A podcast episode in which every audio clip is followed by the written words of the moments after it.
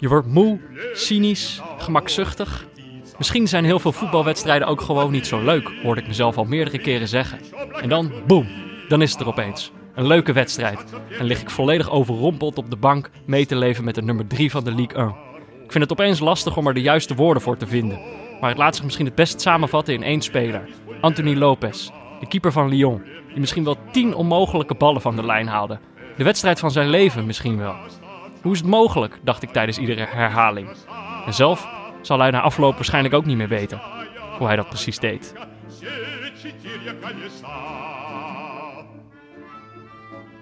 Magnifique affiche entre Lyon 3e et le PSG leader de Ligue 1 Conforama, un match de championnat au parfum de Ligue des Champions. L'OL défiera à Barcelone et le PSG sera opposé à Manchester. Ja, Jordi, Ja, Peter. Galatasaray heeft twee spitsen gekocht.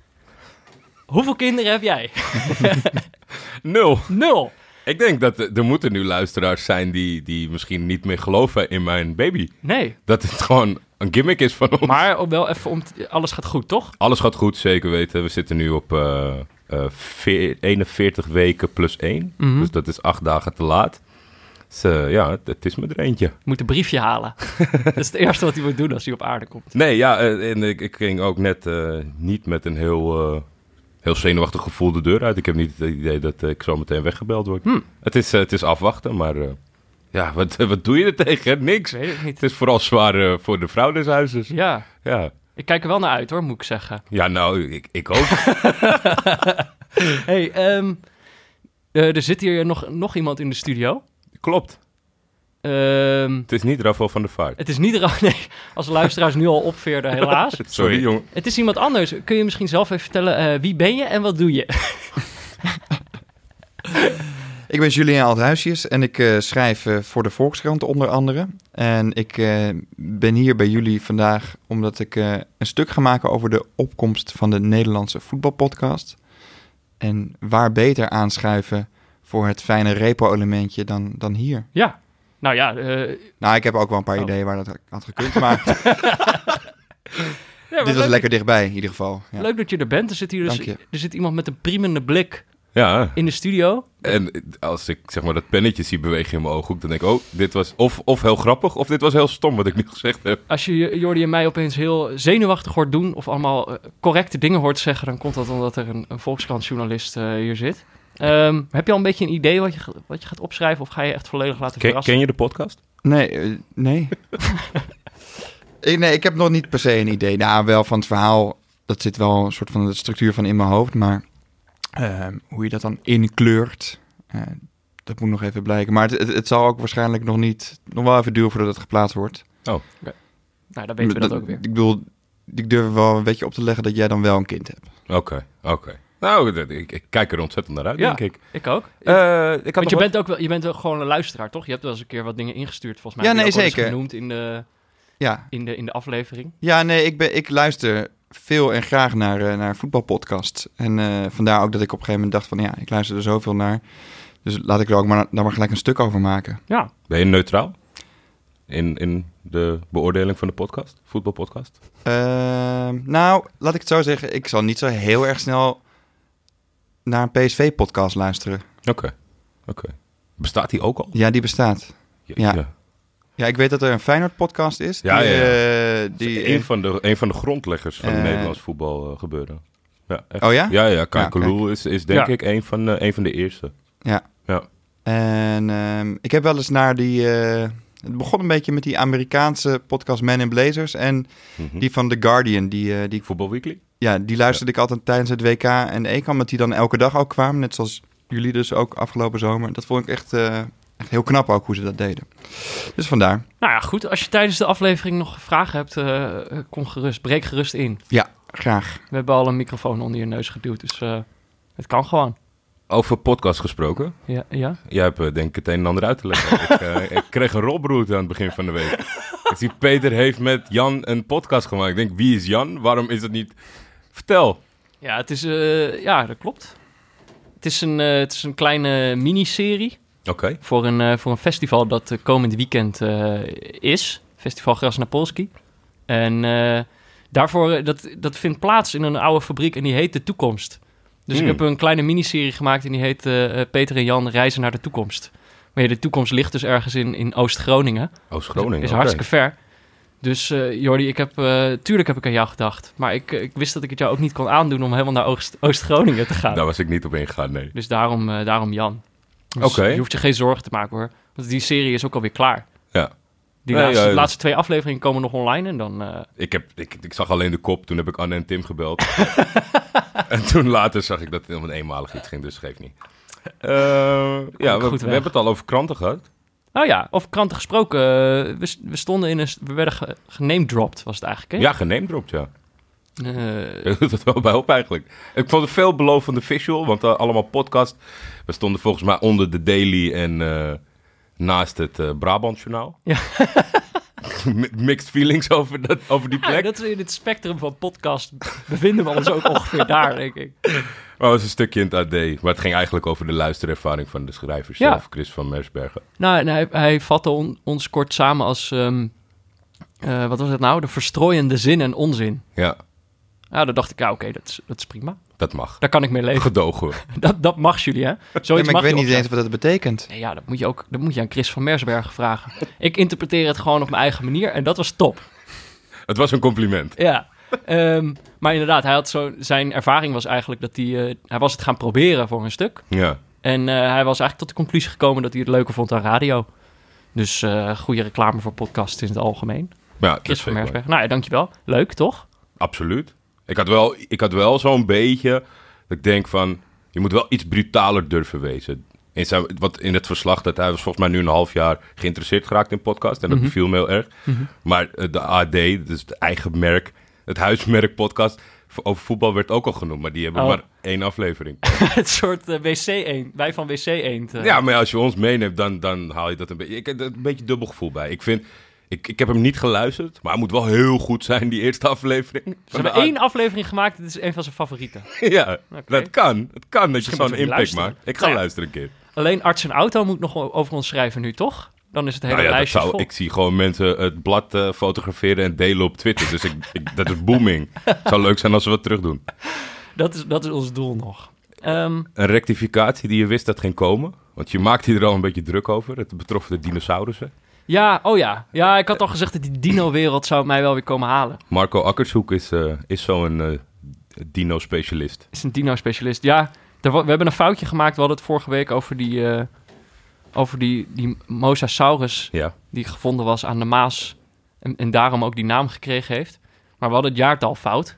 Want we verbaasden ons al over dat jaartal, toch? ja, het was 1998. Ja, nou ja, dat klopte dus ook helemaal niet. Dat was ze- 1778. Goed, er zaten er 220 jaar naast, maar ja, dat kan gewoon gebeuren. Wij hadden het ook niet gezegd, toch? Nee, nee, nee. Het was een fout van Jules. Ja, nou ja, dus eh, Marco, je moet bij Jules zijn. Ehm, oh ja, en het was ook geen echte dino. Dat was ook de opmerking van Marco. Het was meer een soort af, afstammeling van een dinosaurus. Ja, ik zie een maashagedis staan. Ja. Hij was gewoon heel groot. Hij was gewoon heel erg groot. eh, en hij leek op een dino. Dus eh, wat wil je dan? Moeten we daar dan heel streng op zijn? ja, ik vind het ook geen catchy Eh, geen, geen leuke dino. Er waren een paar... Ik heb weer een paar plaatsnamen fout uitgesproken. De eerste was, sprak uit als Ursem. Dat was Ursem, had dat moeten zijn. Tenminste, dat zegt Michiel van A.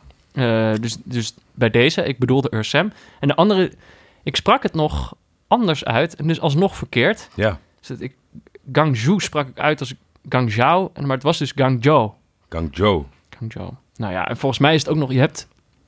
Oh nee, ga ik niet aan beginnen. Ga ik nog meer fouten maken. er was no- nog een soort rectificatie, maar dat was meer een soort toevoeging aan wat waar wij het over hadden. Hallo Peter en Jordi. Vorige week kwam tijdens de podcast de Kroki Cup ter sprake. Nu wil ik het niet gaan hebben over de halve finales, maar over Kroki zelf. Peter vertelde namelijk dat de papegaai Kroki daadwerkelijk de mascotte is van de Belgische beker. Nou, ik kan jullie vertellen, Kroki is niet zomaar een mascotte. Samen met twintig andere mascottes zag ik hem dit weekend namelijk in actie tijdens de allereerste editie van het Nederlands kampioenschap mascotte schaatsen. Die foto die erbij zit. Het is, het is heel bijzonder. Mascotte schaatsen. Nou, Er zat, een, er zat een link bij. En dat zijn dus ja, gewoon eh, twintig volwassen mensen verkleed. Ik, ik denk niet dat het helemaal eerlijk gaat, want het ene pak zit natuurlijk wat gestroomlijnder dan het ander. Kroki met zijn angstige blik Staat er wel tussen, ja. De druk werd weer te groot voor hem en heeft een hele matige prestatie geleverd. Ja? Ja, Heb jij de mij- video gekeken? Ja, het is ook heel onterecht, want Tialfi heb gewonnen. Dat Oh. is natuurlijk in Tialf, dus... Thuisvoordeel. Maar de, de, de, de, de, mijn enige conclusie in lijn, het is een gesponsord item van KPN. Ik denk dat eh, de sportmarketeer in kwestie eh, lachend in zijn bed ligt.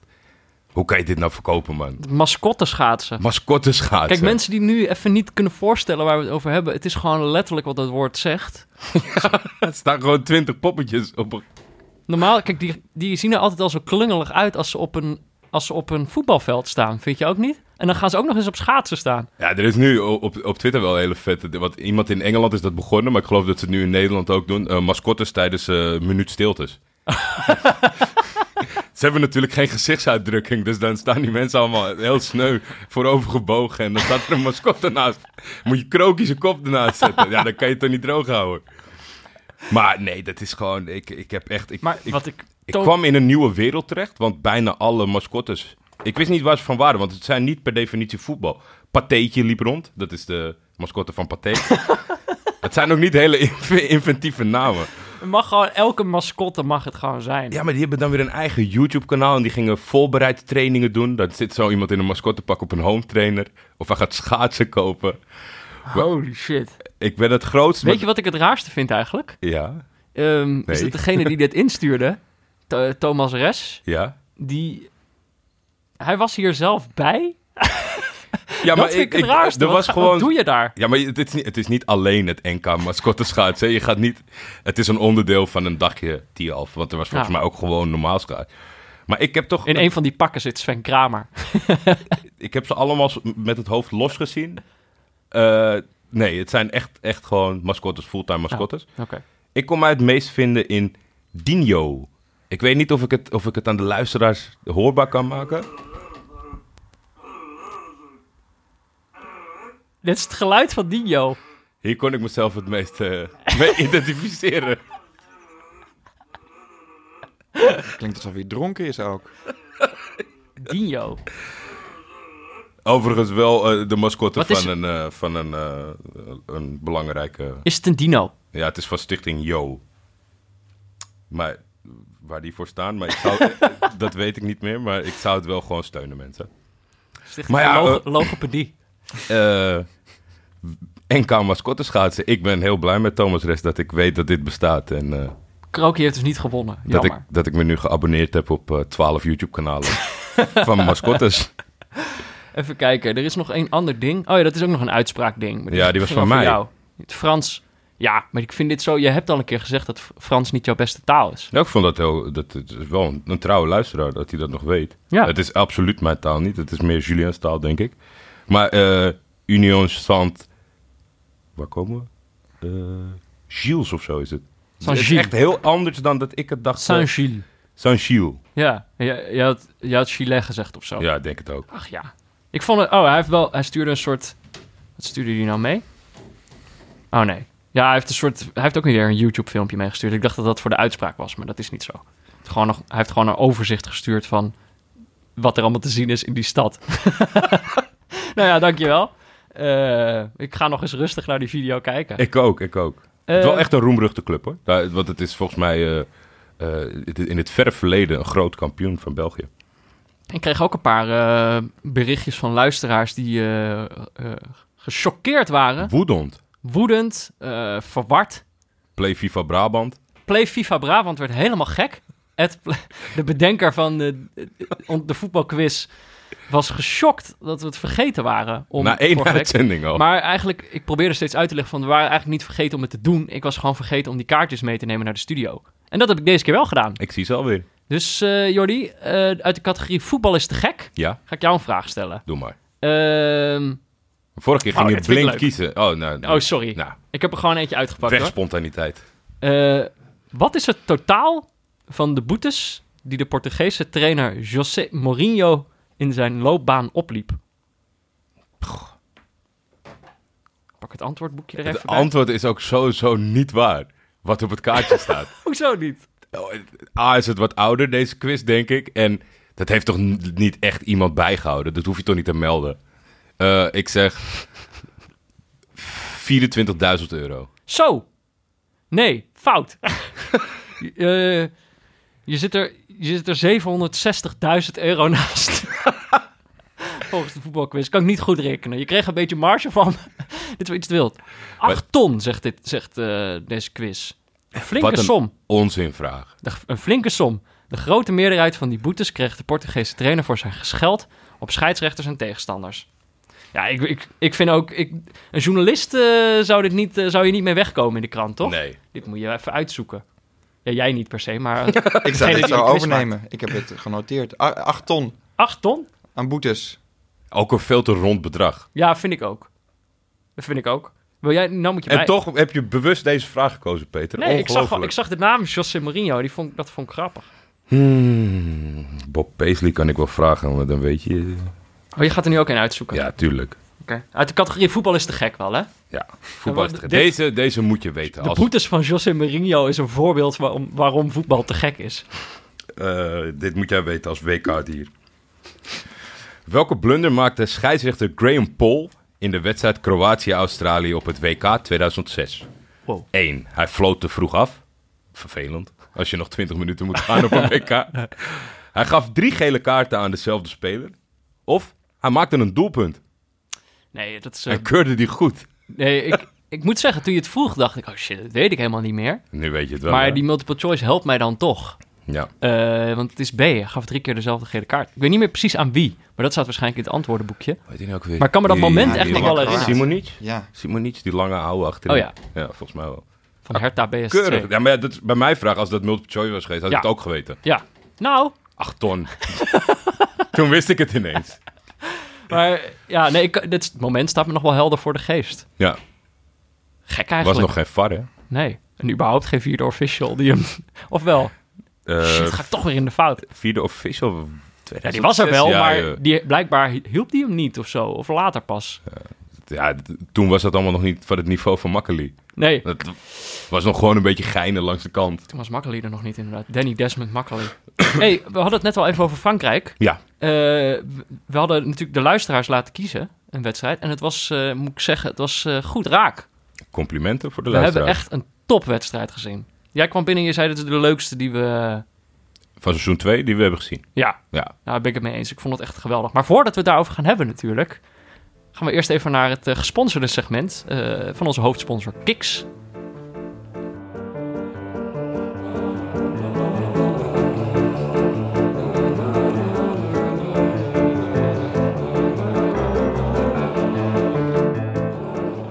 Dit is Eigen Tijden Sport, in samenwerking met onze hoofdsponsor Kiks, waarin we terugblikken op historische gebeurtenissen in het voetbal die waarschijnlijk terecht in de vergetelheid zijn geraakt. Deze week Teun Meurs. Teun Meurs. Teun Meurs. Begin april 2009, Monnikendam uit. Een 1-1 tussenstand. Het zal de 70ste minuut zijn geweest. Stefan draafde met de bal de middenlijn over aan de linkerkant van het veld. Ik vind het zo leuk dat... Het begint gewoon meteen over Stefan. Alsof wij moeten weten wie dat is. Eh, ik ken, Iedereen weet ik ken Teun. En ik ken Stefan ook. Ja? Dus het is misschien iets te veel Ah. op mij geschreven. Hm, Oké, ga door. Stefan Baarts, ik denk een van de eh, eh, hardste werkende medewerkers van FC Afkikken. Eh, waar waren we? Ik liep in het midden, zo'n 20 meter voor hem en boog af naar rechts. Stefan zag mijn loopactie en lepelde de bal met de binnenkant links over de centrale verdedigers heen richting de punt van het strafschopgebied. De bal eindigde precies in mijn loop en ik besloot...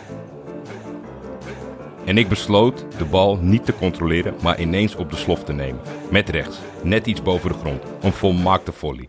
Het is allemaal weer de goed nieuws show. Ja, het, is, Het is- past het is- allemaal weer precies. Ja, ja, ja, ja. Die herinneringen past het altijd precies. Vanaf het moment dat ik hem raakte, leek de bal volbestemd voor de verre bovenhoek. Kiezelhard, in een rechte lijn sloeg de bal in de winkelhaak. In mijn herinnering bleef hij daar nog een tijdje hangen. Zoals een pinbal die weerloos heen en weer wordt geschoten tussen de, van die bumpertjes in een flipperkast. Mijn medespelers en ik zelf staarden met ongeloof naar het doel. Dit kon eigenlijk niet, maar het was echt gebeurd. Na de wedstrijd werd ik aangesproken door een oud mannetje die niet uitgepraat raakte over het doelpunt. Zoiets had hij nog nooit gezien, zei hij. Over drie weken moeten jullie uitspelen bij Marken en dan ben ik er weer. Dan krijg je van mij een verse makreel uit het IJsselmeer. Vers? Ja, gewoon vers. Die man die had hem Een rauw, rauwe makreel? Eh goeie vraag.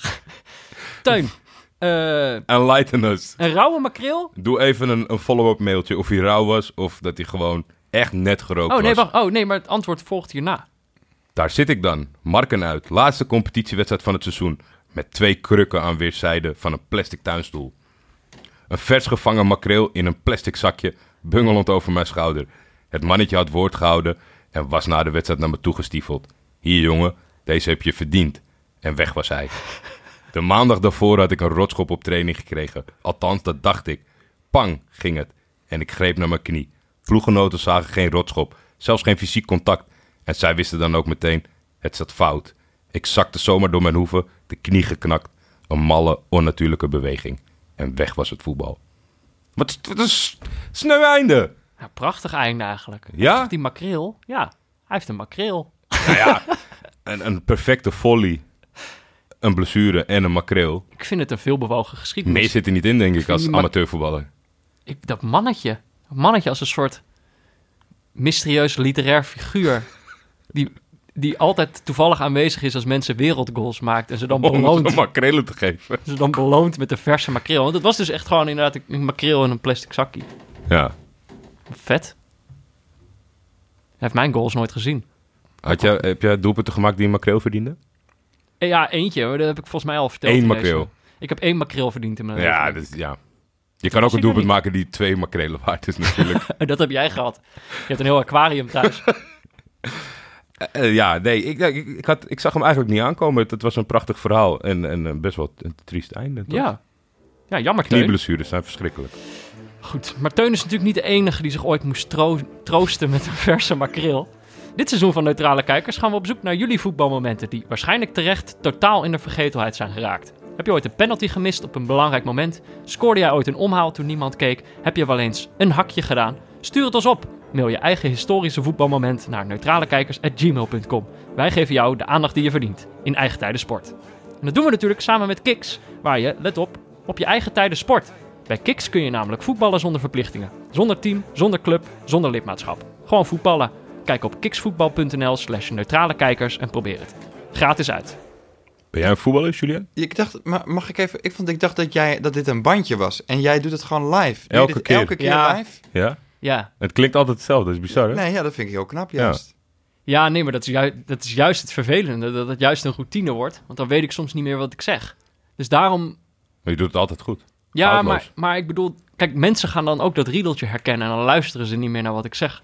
Dan denken ze, oh ja, dit ken ik al. Terwijl eigenlijk moet ik, het- moet ik ze elke keer verrassen met de payoff. Intonatie. Ja, of nou ja, of gewoon andere woorden, Oh, denk ja. ik. En dan toch altijd uitkomen bij. Want dat, dat vrees ik dan soms. Dat ik denk van ja, als je dezelfde reclames hoort, ben je er op een gegeven moment ook niet meer gevoelig voor. Of juist wel, hè? Een goede jingle. Ja, multifocale bril. Wasmachines leven langer met Kalgon. kalgon. Ja, dat zijn dingen die je nooit meer vergeet. Kiksvoetbal.nl. Ja, nou, voor de mensen die dit wel luisteren en normaal dat stukje altijd overslaan. Het zijn natuurlijk afgelopen weken heel veel mensen die in dat blokje wat gewonnen hebben. Maar dat horen jullie niet. Nee. Omdat jullie doorspoelen. De meest idiote dingen gebeuren daar in dit blokje. Je moet het luisteren. Dit is- Elke week hebben we weer Dit is waarom ik elke week met een glimlach binnenkom. Oké, ehm, Lyon, PSG. Het was een keuze van de luisteraars. Jij Ja. baalde, want we hadden volgens Ja, mij ik de vond hem week... weer wat lafjes. Ik had, nu, Ja. ik had het ze nog moeilijker gemaakt, denk ik. Ik had een kraker in Griekenland gekozen. Een kraker op het tweede niveau in Turkije. En een wedstrijd in Zwitserland. Ik dacht, knipoog naar neutraal. En dat was volgens mij de nummer 1 tegen de nummer laatst. Ik dacht, dan gaan we eindelijk een keer een stuk of 5, 6, 7 doelpunten zien. Maar nee, eh Hmm. het bekende affiche was eh, toch te aanlokkelijk voor de mensen. Ja, En die gingen massaal voor eh, Lyon PSG. ja, terwijl wij echt nog... Paris hebben wij nog af zitten zeiken. Een aflevering eerder volgens mij. Van dat gaan we nooit kijken. Tuggelbal viel een beetje door de mand. Nou ja, viel het, ja, viel het door de mand. Niet het was echt, maar... fantastisch. Het was een Ja. fantastische keuze van de... Ja, nee, ja, dat wel. luisteraars. Dat wel. Dat, kon, ik bedoel, dat konden ze natuurlijk niet weten. Maar eh, het was echt geweldig. En dan was de sterspeler van...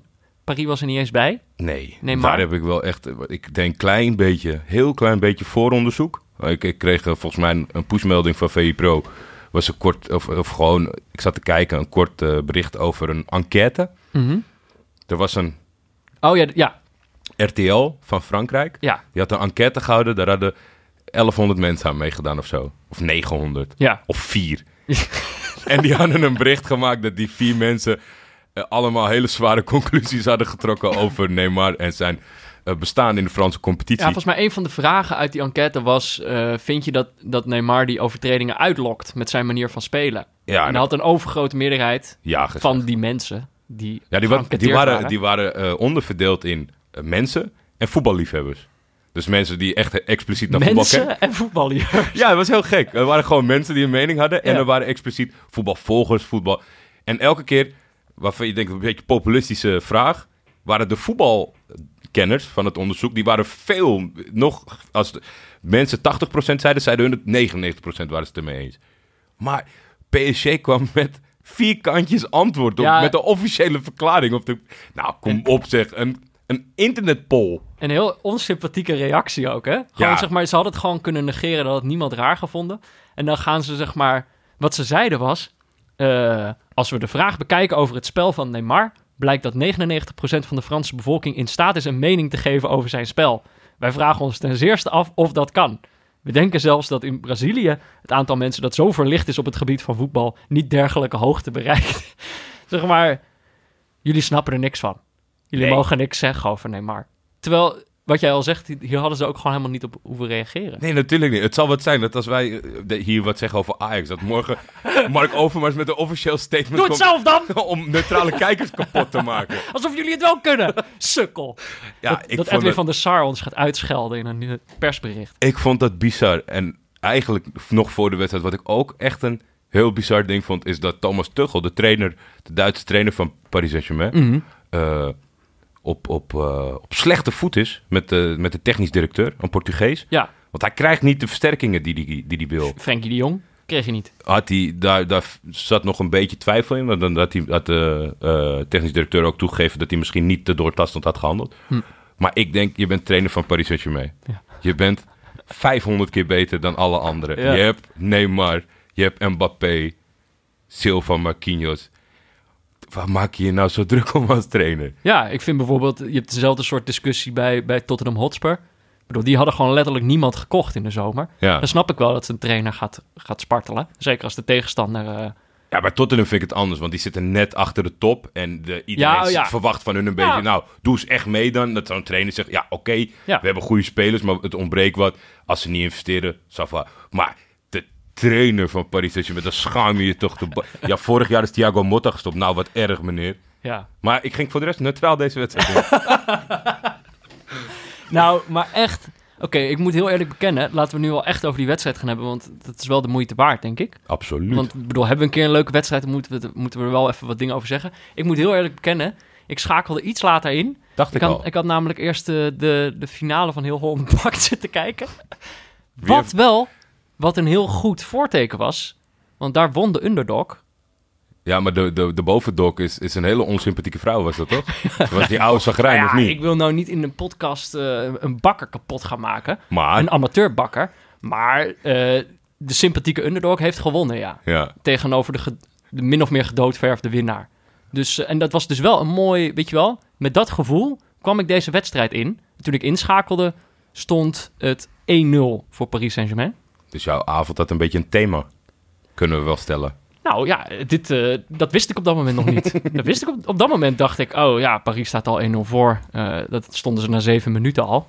Eh, ik dacht, nou ja, dat, dit wordt het dan wel. Ik dacht dat Paris dat zelf ook dacht. Ja. Nou, ik was er wel vanaf het eerste moment bij. Ehm, eh, eh, niet via een Nederlandse zendgemachtigde. Dus ik begon... Nee. Het was echt uitermate... Volgens mij, ik heb het nog opgezocht, maar het was niet zo. Maar die man gaf zo spelcomputer commentaar. Heel raar. Het was echt net alsof ik eh, Pro Evolution Soccer zat... eh, Maar er is geen, in, wat jij zegt, er is geen Nederlandse zender die dit uitzond. Nee, en daar, ik, zag- ik zag, weet je, ze gingen voor de wedstrijd met de camera langs alle 22 spelers. Toen dacht ik, nou, dit is toch wel dit hele bijzonder getalenteerde, leuke spelers. Ja. En dan denk je zo, bij Ziggo bijvoorbeeld, komt wel eens een wedstrijd uit België voorbij. Of een, een wedstrijd uit Portugal. Schotland. Ja, als, het echt, als ze echt niks meer hebben, dan, dan zit je een schotspotje te kijken hoe 22 man op elkaar staat in te hakken. Ja, In Nederland was er niemand bereid toe. Eh, eh, Eurosport had het. Eh, maar Eurosport is volgens mij volledig van voetbal afgestapt. En niemand was bereid om het te kopen, wat ontzettend zonde bleek. Nou ja, wat jij zegt, er staan een hele hoop mooie spelers op het veld. En dat was eigenlijk wel meteen al deel van de lol. Eh, ik bedoel, zo'n speler als Mbappé, dat is zo'n unieke speler. Eigenlijk is, is het alleen al leuk om zo'n wedstrijd te kijken om hem gewoon weer eens te zien. Ja. Eh, heb je dat niet ook? Ik vind dat echt zo... Ik vind hem niet passen. Heb jij dat niet? Ik bij, vind het zo... bij PSG? Ja.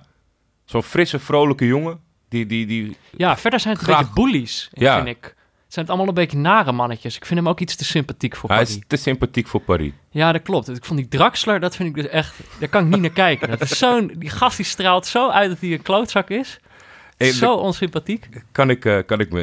Er er was eh, nog een ceremoniële aftrap. Dat Ja. snap ik nooit zo goed. Want dat is dan echt zeg maar één tikje breed, een applausje en dan weg. Was de kind? Nee, een volwassen man. Dat is meestal, want zo'n kind die mag dan in zijn eentje op de keeper af. Is toch vaak nog wel een dat leuk is moment. leuk. Dat is fantastisch. Vorig jaar was er bij Marseille. Jochie, dat, dat, dat eh, iets te zwaar was, maar die sprintte op die keeper. Die rost, want hij mocht eigenlijk volgens mij niet eens afwerken. Roste hem op dat doel, trok zijn shirt uit, brak dat hele stadion af. Ja, dat is leuk, maar zo'n tikje, ik heb dat nooit... Wat nou, diegene die het moet doen, of die dat leuk vindt, zo'n sponsor... En zo één tikje op zijn en van het veld afschokken. Nee, dat is, dat, dat is toch heel saai? Ik Ja. vind, die moet hem dan gewoon claimen. Dan moet je gewoon op de keeper af. Wie, wie gaat jou tegenhouden, weet je wel? Wie is die gast die Nou, dat, dat, dat jochie in, in Marseille. En Ja. dat is leuk om naar te kijken. Nou ja, voor de rest, eh, eh, een sterrenensemble van Paris s- schoot uit de startblokken. Na 50 seconden was er een gigantische fout achterin bij Lyon. Stond Mbappé al voor de keeper. Toen dacht ik, oeh, dat wordt zwaar voor Lyon. Ja. Nou ja, en in de zevende minuut vond ik erg jammer, want ik heb een heel erg groot zwak voor Aouar. Die draait verkeerd. En jouw nemesis, Duitse nemesis, Drexler, pakt hem als vervelende man die het is af. Ja. En dan staan ze ineens met, eh, met vier toch wel redelijk grote namen voor de keeper. En dat eh, wisten ze wel af te ronden. Ja. Ja. Die Maria, heel gek. Heb je dat eh, wel? Was je toen al? Nee, dit stond, je stond Nee, al maar ik achter, zag hè? in de, in de rust heb ik... Heb je het dansje gezien Ja. van die Maria? Tot Ja. twee keer toe? ja, over onsympathiek gesproken. Ja. Die in, een, in een vol Lyon-stadion vond het, niet, ik vond het niet sympathiek. Maar ja, ik bedoel, je ja, als je scoort mag je juichen. Dus ik zal het hem nooit verbieden. ja. Maar ik vond het wel een voorbeeld. Weet je wel, die Maria vind ik ook gewoon... Word ik ook niet echt gelukkig van om naar te kijken. Is wel een hele goede voetballer, wel bijzonder. Maar tegelijkertijd ook niet... Ik word er niet gelukkig van. En dat is dus wel inderdaad... Mbappé word ik gelukkig van om naar te kijken. Absoluut. Ik denk dat het, eh, die Maria is een beetje chameleon. Ik denk als je die in een leuke ploeg neerzet, dat het een leuke voetballer is. Ja. En dat hij nu een beetje zijn ploeggenoten overneemt. Eigenlijk, ik moet wel eerlijk zeggen, en dat is wel een beetje wat je aan dit gesprek al merkt, mijn voorkeur wel bij Lyon lag. Dat Ja, was natuurlijk van mij ook. voor de wedstrijd was dat ook het fijnste, want als PSG het simpel uitvoetbalt, dan heb je geen leuke wedstrijd. Dus je hoopt na zo'n vroege voorsprong ook dat Lyon gaat komen, Ja. dat hij er iets leuks van gaat maken. Maar ook zeg maar qua spelers, ja, Memphis speelt er natuurlijk, die heeft dan automatisch toch eh, mijn, mijn voorkeur. Maar ook Traoré word ik ook heel gelukkig van. Ik vind Ja. dat ook een unieke speler. Gewoon de manier waarop hij beweegt, herken je meteen dat hij het is. Oh, hoe die valt. Herken je hem Hoe ook? die struikelt, ja. maar gewoon ook hoe hij op doel schiet. Zijn acties. Het is gewoon echt een iconische speler. Dat vind ik er zo leuk aan. En je hebt er gewoon nog meer hele leuke gasten eh, op dat veld staan. Veel talenten. En Dombele was er weer bij. En Dombele was echt fantastisch. ja, fantastisch. Op een gegeven moment valt Touzard dan ook nog in. Fekir loopt daar natuurlijk ook nog rond. Ja. Verdediging vond ik heel erg leuk. Terwijl ik dat eigenlijk is dat volgens mij de grote Achilleshiel van die ploeg. Ja. Die waren van, dat waren echt de sterren van deze, van deze avond. Ja, ik, ik begrijp het zeg maar nooit, want de, de kritiek is heel veel vanuit Frankrijk. En dat, dat vind ik zo zonde van die ploeg. Want ik, ik denk dat ze gisteren en vorig seizoen ook al een keer echt laten zien dat ze, dat ze PSG zouden kunnen uitdagen. Ja. Maar zij verzuimen het gewoon tegen kleine clubs. En dat, dat begrijp ik niet. Als je kijkt hoe ze gisteren echt... En ook die achterhoede die dan stand houdt. Eh, de Naaier, dat was toch wel het moment Ja, van de fighting spirit van Lyon. een soort keepersreflex. De op keeper de kon er niet meer bij en hij kopt hem, hij kopt hem achter Hij hem weg. duikt, hij duikt echt naar de hoek en kopt hem eruit. Ja. Want in, in eerste instantie leek het alsof de keeper hem pakte. En dan zie je in de herhaling dat hij daar inderdaad achter staat Ja. en ook duikt. Dat was echt ongelooflijk. Maar die keeper, dat vond ik echt... Aan, aan, ja, aan beide kanten wel. Want Ariola speelde ook een hele goede wedstrijd. Maar die Ja. wisselde dat dan af met een eigenlijk... Ja, de gelijkmaker ontstaat uit een gigantische blunder van hem. Ja, Terwijl dat hij echt daarvoor vijf, zes keer een wereldredding maakt. Eh, Ik moet zeggen, het start zijn. Want voor de rest, misschien kwam niet alles eruit. Ik moet wel zeggen dat hij heel eh, hard werkte. En echt eh, wel een ploegspeler was gisteren, Memphis. ja. Maar hij gaf het start zijn van de, van de comeback eigenlijk van Lyon. Hij passeerde Zeker. twee man heel sterk door ze weg te duwen. kwam een hele goe- goede voorzet achteraan. Voor de rest, eh, ik, ik was onder de indruk zeg maar, van zijn eh, werklust. Ja, absoluut. Ook- die jongen is ook- echt een totaal andere speler geworden eh, in de afgelopen jaren. Of totaal. Het is gewoon echt op een andere manier echt een genot om naar te kijken. Hij kan ook zo- zo'n ploeg gewoon helemaal op sleeptouw nemen. Ja. Maar ja, inderdaad, het blundertje van Areola.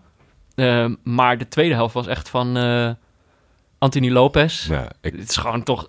Kan me niet voorstellen dat die jongen ooit zo goed gekiept heeft in zijn leven. ik, ik- Elke bal. maar ik, ik, ik, ik vond eruit kunnen zien dat hij het zelf ook door had. Ja, Want af en toe sprong hij zeg maar extra, eh, ja, een beetje show, showduik om, om gewoon maar in die flow te blijven van al die reddingen links en rechts. ja. Had op een gegeven moment volgens mij een balletje links van hem, waar hij de lucht in sprong. Dat eigenlijk gewoon staand had gekund, maar het paste bij het duel om te springen. Die gast heeft denk ik echt wel... misschien gewoon echt wel vijf ballen van de lijn afgehaald, denk ik. En Ja. ook verdedigers die zich voor die ballen gooien. Want die haalt er op ook nog eentje die er eigenlijk gewoon in ging, haalt hij dan nog weg. Ik vond het echt... eh Ja, allen het waren ze aan het strijden. Over die blik van Mbappé. Dat het zoveelste poging die er niet in ging. We hebben het hier al vaak over voetbalmanager gehad of zo. Ja. Dat je dan soms gefrustreerd bent omdat de keeper van de tegenstander alles tegenhoudt. Gewoon werkelijk elke kans. En dan word je heel boos achter je scherm. Dan zeg je, dit gebeurt in het echt nooit. Nee. En dan bij zo'n wedstrijd als gisteren denk je, oh ja, dat gebeurt gewoon wel. Soms heeft één gast Kan. gewoon de dag van zijn leven. Ja. Ik denk, denk gewoon dat hij nooit meer zo goed gaat keepen. Kan toch niet? Eh, nou, dat vind ik wel heel stellig, want het, het is gewoon wel, eh, het is wel een goede keeper. Ik, ik was eigenlijk zelf meer onder de indruk zeg maar, van Areola, omdat ik hem niet zo hoog gaat zitten. En dat hij best wel veel goede reddingen maakte. Ja. Maar Lopez, ja, hij had een hele goede dag. Eh tekent ook wel dat Paris Saint-Germain uiteindelijk toch nog heel veel kans had. Ja. Wat een fantastisch, ja, voor, voor ons en iedereen die zat te kijken. Want omdat zij zo aan het aanvallen waren, elke bal eh, die ze weg konden schieten, werd gevaarlijk voor Lyon. Ze Ja. deden er niks mee, want zoals aangegeven Traoré struikelde over zijn voeten. ja. En een paar keer een, een slechte keuze. Maar zo'n jongen, kan, zo'n Traoré kan dan geweldig aannemen en daarna gewoon over zijn eigen voeten struikelen. Ja, En maar ook die, die Dembélé, niet de handigste spits. Eh, Nee. Zeker niet vergeleken met al die jongens om hem heen. nee, Eh, maar ja, ze, hebben, ze hebben wel gewoon wel een, een leuke ploeg die goed kan counteren. ja. Eh, ze ze spelen, nou, ze spelen ook nog Champions League, toch? ja, tegen Barcelona moeten ze. Ja, dus dit is, een, dit is misschien nog wel een leuke... Ze Barcelona hebben heeft tegen City niet, hebben ze het ook twee keer heel goed gedaan. Lyon. Niet zomaar eh, gewonnen hoor. Want die tweede goal was wel Dembélé, die met een loopactie... Thiago Silva heel onhandig. Die, die tikt hem gewoon aan. Ja, Dat is gewoon echt onhandigheid. er waren, er, waren Engels sprekende Paris Saint-Germain accounts die het geen penalty vonden. Nou, Ja, duidelijker. Ja, ik wou zeggen, het is, geen, het is niet expres, maar het is gewoon onhandig. nee, maar het is de kwaliteit van, van de beweging Ja, dat, dat Silva geen kant op kan. Ja. Ik vond het meer dan terecht en goed binnengeschoten door Fekir. ja het duurde echt- heel erg lang, hè, voordat hij hem nam. Een beetje een, een voetballer van een, van een tijd hiervoor, zeg maar. Van spelers die echt... Ja, zo'n zo'n luie team. Terwijl hij is niet echt lui, maar hij heeft, Ja, dat zo hij heeft dat uit, mooie in zijn spel, zeg maar. Wat, wat een Haji had en dat soort... Ik kijk heel graag naar hem. Ja. ik was echt... ehm, ik was zo aan het meeleven met die wedstrijd. Ik vond die penalty ontzettend spannend. En ik zat er echt gewoon volledig in. En ik merkte dat. En ik dacht, oh yes, we hebben eindelijk weer echt een fantastische wedstrijd om naar te kijken. En dan die penalty, dat duurde zo lang. Eerst ging die scheids nog met de keeper praten. Want die stond niet stil genoeg. Die stond niet op zijn lijn. Daarna ging hij nog even iets tegen Fekir zeggen. En ik, ik, zo, ik dacht van ja, hoe, hoe ontzettend spannend moet dit moment zijn. Weet je? Opeens begreep ik dat volledig. Soms zit je echt met zo'n afstand naar zo'n wedstrijd te kijken. Nu zat ik er echt helemaal in. Ja. Maar Fekir, ja, die leek niet echt last te hebben van die spanning. Het ging nog bijna mis met Mbappé. Omdat hij eh, Ja. zwaar aangevallen werd. Uit onverwachte hoek. Ja, een aanslag. Ja, ik kan daar altijd wel om lachen. Want Cavani die heeft gewoon, die, die is zo blind voor het goal. Ik vind dat hij best wel ondergewaardeerd wordt. Hij heeft, staat altijd in de schaduw van iemand anders die net even wat mooier is, net even wat flamboyanter is. Ja. Maar hij scoort erop los en dan gaan mensen het alleen maar hebben over de kansen die hij niet maakt. Ja. Ik denk als je aan het eind van het seizoen 40, 45 doelpunten hebt gemaakt, heb je het gewoon prima gedaan. Maar dit was natuurlijk prachtig, want hij ziet het gewoon niet en hij schopt Mbappé keihard op zijn bovenbeen, die gewoon bijna niet meer kon opstaan daarna. Ja, een aanslag. Eh, maar dit was echt, ja, het was gewoon een perfecte recept voor een leuke wedstrijd. Was dit een goede wedstrijd voor de neutrale kijker? Absoluut, toch? Ik, ja, wat ik al zei, ik werd er helemaal in meegesleurd. En er waren gewoon meerdere dingen toch echt gewoon wel heel erg goed. Dus dat je eh, wereldklasse spelers hebt, dat helpt gewoon echt wel. Eh, die ook houden van leuk voetbal. Eh, een goed scoreverloop. Dus Paris die voorkomt en dan eigenlijk in verwarring is op het moment dat het gelijk wordt. En, dat, en er dan niet meer bovenop komt. zij dachten volgens mij een beetje van... we freewheelen deze wedstrijd wel uit. En dat ja, is, dat ja, is ja niet maar gelukt. dat, dat is ook wel iets wat... En ik denk dat dat op het randje zit van of het dan nog neutraal is of niet. Maar ik denk dat wij het vooral Lyon gunden en niet tegen Paris zijn of wat dan ook. Ik vind op het moment dat je... eh, dat Paris Saint-Germain scoort, worden zij een beetje... Dat herken ik niet uit mezelf, want ik heb alleen een zusje. Maar een goede vriend van mij, die had twee grote broers. Ja, verandert Paris Saint-Germain in, in die bully, in, in, de, in de oudere broer.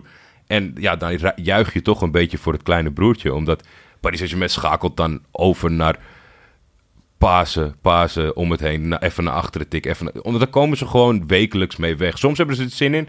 En dan, dan maken ze er, de, ja, wat is het, 6-7-0 in een showtje van. Maar 9 van de 10 keer denken ze, ja, het staat 2-0, is wel klaar. En dan kom je er gewoon haast niet tussen. Omdat ze zo behendig zijn. En ik zag echt, dat ze gingen even druk zetten tot de 0-1. En toen dachten ze van, ah, Ja. Lyon, laat maar komen. ze zijn, we zijn al klaar. En dat zijn ze niet meer te boven gekomen. Nee, Een hele drukdoende tuchel langs de lijn. het mocht niet baten. Nee, zeker niet. Eh, en inderdaad, ja, in die zin... eh, kijk, Paris raakt op deze manier ook zijn ongeslagen status kwijt. Ja. Dat is de eerste wedstrijd die ze verliezen in de competitie. Dat is denk ik ook gewoon heel lekker. En gewoon een mooi eh, symbolisch voorbeeld voor inderdaad hoe het, hoe het kleine broertje Ja, het, misschien, het soms eh, toch kan winnen van zijn grotere broer. misschien als iemand eh, met, beslissend, eh, met beslissende kwaliteiten zit te luisteren... dat ze misschien toch maar eh, eh, een keer moeten kijken naar, naar Frankrijk. Want ik, er is wel gewoon een mooie, Ja. een mooie vrijheid die daar blijft. En daarom ben ik zo bang na de wedstrijd. Volgens mij was het meest Omens die, die tweette van... nou, Dem, eh, een Dombele is weer door de test gekomen. Die gaat zeker naar, naar Engeland. En je weet gewoon dat die, die frivoliteit inlevert op het moment dat je naar de Premier League Ja. gaat. Het is de meest logische stap in Frankrijk. Als je goed bent, ga je naar de Premier League. En ik vind dat zo zonde, want deze frivoliteit moet behouden worden. Alleen ja, je kan niet verwachten van zulke grote talenten dat ze tot in de treurnis bij Lyon blijven. Nee. Ja, precies. Want ze hebben heel veel leuke Ja, talenten. Ik zou echt eh, daarom, ja, als je die Champions League wedstrijd van hun kan meepikken. Ik denk Zou dat ze daar wel een kansje maken. ja. Lijkt me wel leuk. heb jij Ronaldinho nog zien spelen bij, bij Paris Saint-Germain? Of momenten? Oeh, nou, ik kan me wel herinneren dat hij daar speelde. Want ik heb al, ik weet niet of ik dat eerder heb uitgelegd, maar, maar voor mij is een beetje toch de, de, de echte interesse voor voetbal is bij mij een beetje wakker geworden bij FIFA 2003. Ja. Ik geloof dat hij toen nog net bij Paris zat. Eh, of, of- dat weet ik niet. Ja, dat zullen we op moeten zoeken. Maar ik, ik, wat ik me wel heel erg aan... Ik kan me wel herinneren dat Ronaldinho was een van de eerste voetballers... die ook zoiets iconisch had voor mij. Dus dat ik echt, dat je, dat ik echt wist wie dat was. En wat voor Ja, of het, dat of was. het was zijn eerste seizoen bij Barcelona of het was het ding. Maar het- ja, ik moet altijd heel erg lachen. het Want was ik, denk ik net, net tijdens die transfer ongeveer... dat ik dat spel begon te spelen. het, is, het is ondergewaardeerd. Het is hartstikke leuk. Ik ken in Nederland twee mensen die, die eh, pro-Franse competitie zijn. Dat is eh, in de recente jaren Jean-Paul Risson. En vroeger was dat Henk Spaan. Ik kan alleen... Ik kom er niet op. Want hij zag eh, Ronaldinho altijd schitteren. Maar waar hij dat dan... Ik weet niet in welk programma hij dat vertelde. Want het kan nooit die twee geweest zijn. Want dat was Nee. een hele andere setting. Dus het moet een beetje eh, serieus voetbalprogramma zijn geweest. Maar dat was echt van... Ah, dat is nu een spelen, maar het was geen internet. Er waren geen streams, er was helemaal niks.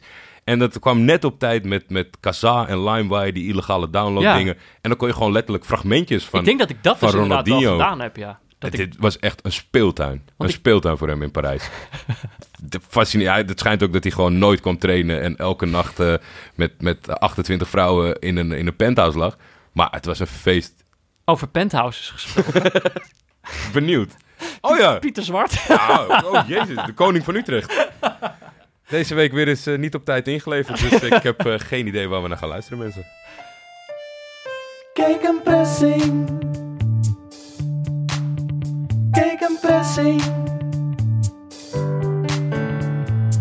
Hoe snel is het mogelijk om een veranderingsproces te voltooien? Academici hebben boeken volgeschreven over dat vraagstuk. Neem bijvoorbeeld de Amerikaan Bruce Tuckman. Die stelt dat je daarvoor vier fasen moet doorlopen. Vorming, waarbij een team zich schaart achter een gemeenschappelijke missie. Storming, waarin onderlinge conflicten ontstaan vanwege de concrete gevolgen van de geformuleerde missie. Norming, waarin vanuit het conflict in fase 2 nieuwe normen afgestemd worden. En tot slot performing, waarin de nieuwe normen via gezamenlijke inspanning leiden tot resultaat. Daar moest ik aan denken toen ik na de overwinning van Leverkusen op Bayern met Peter Bos in zijn nieuwe trainingskamer stond.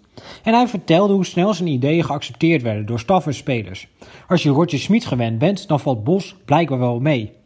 En dus kon hij voor de verandering de eerste twee fases overslaan en bleef een gevecht uit. Ik heb me hier niet hoeven bewijzen, zei hij daar zelf over. Verandering gaat nu eenmaal makkelijker als er niet continu mensen klaarstaan om een dolk in je rug te steken. Kijk een pressing. Kijk een pressing. Nou, wat zegt hij dat weer mooi, hè, Jordi? Het is, Dat het, doet hij dat goed. het is zo'n vakman. Dat is toch, weet hij ons toch weer te verrassen. Ik had het helemaal niet aanzien komen. Nee, ik ook niet. hey, eh, verder nog wat leuks. Eh, ja, jij had een uh, verjaardagsmededeling, een verjaardagsbulletin. Ik vond het zo leuk dat we José Mourinho hadden gefeliciteerd. Ja. Ik dacht, ik kijk even wie er, wie er jarig zijn op de dag dat deze, eh, uit, deze aflevering uitkomt. Dus eh, dinsdag, wat is het? 5 februari. En eh, ik kwam op zich, er zijn echt drie absolute topvoetballers jarig op die dag. Mhm. Eh, namelijk Cristiano Ronaldo Ja, en Neymar oké. en Stefan de Vrij. Hartelijk gefeliciteerd, jongens. Op het moment dat ik dit doe, zijn Wat jullie cynisch naar. Neymar toe dit. Ja, ach ja, goed. Die jongen, je moet hem een beetje scherp houden. hè. Dat ik daar dan weer een mening over heb, krijg ik straks weer de directie van PSG op mijn dak.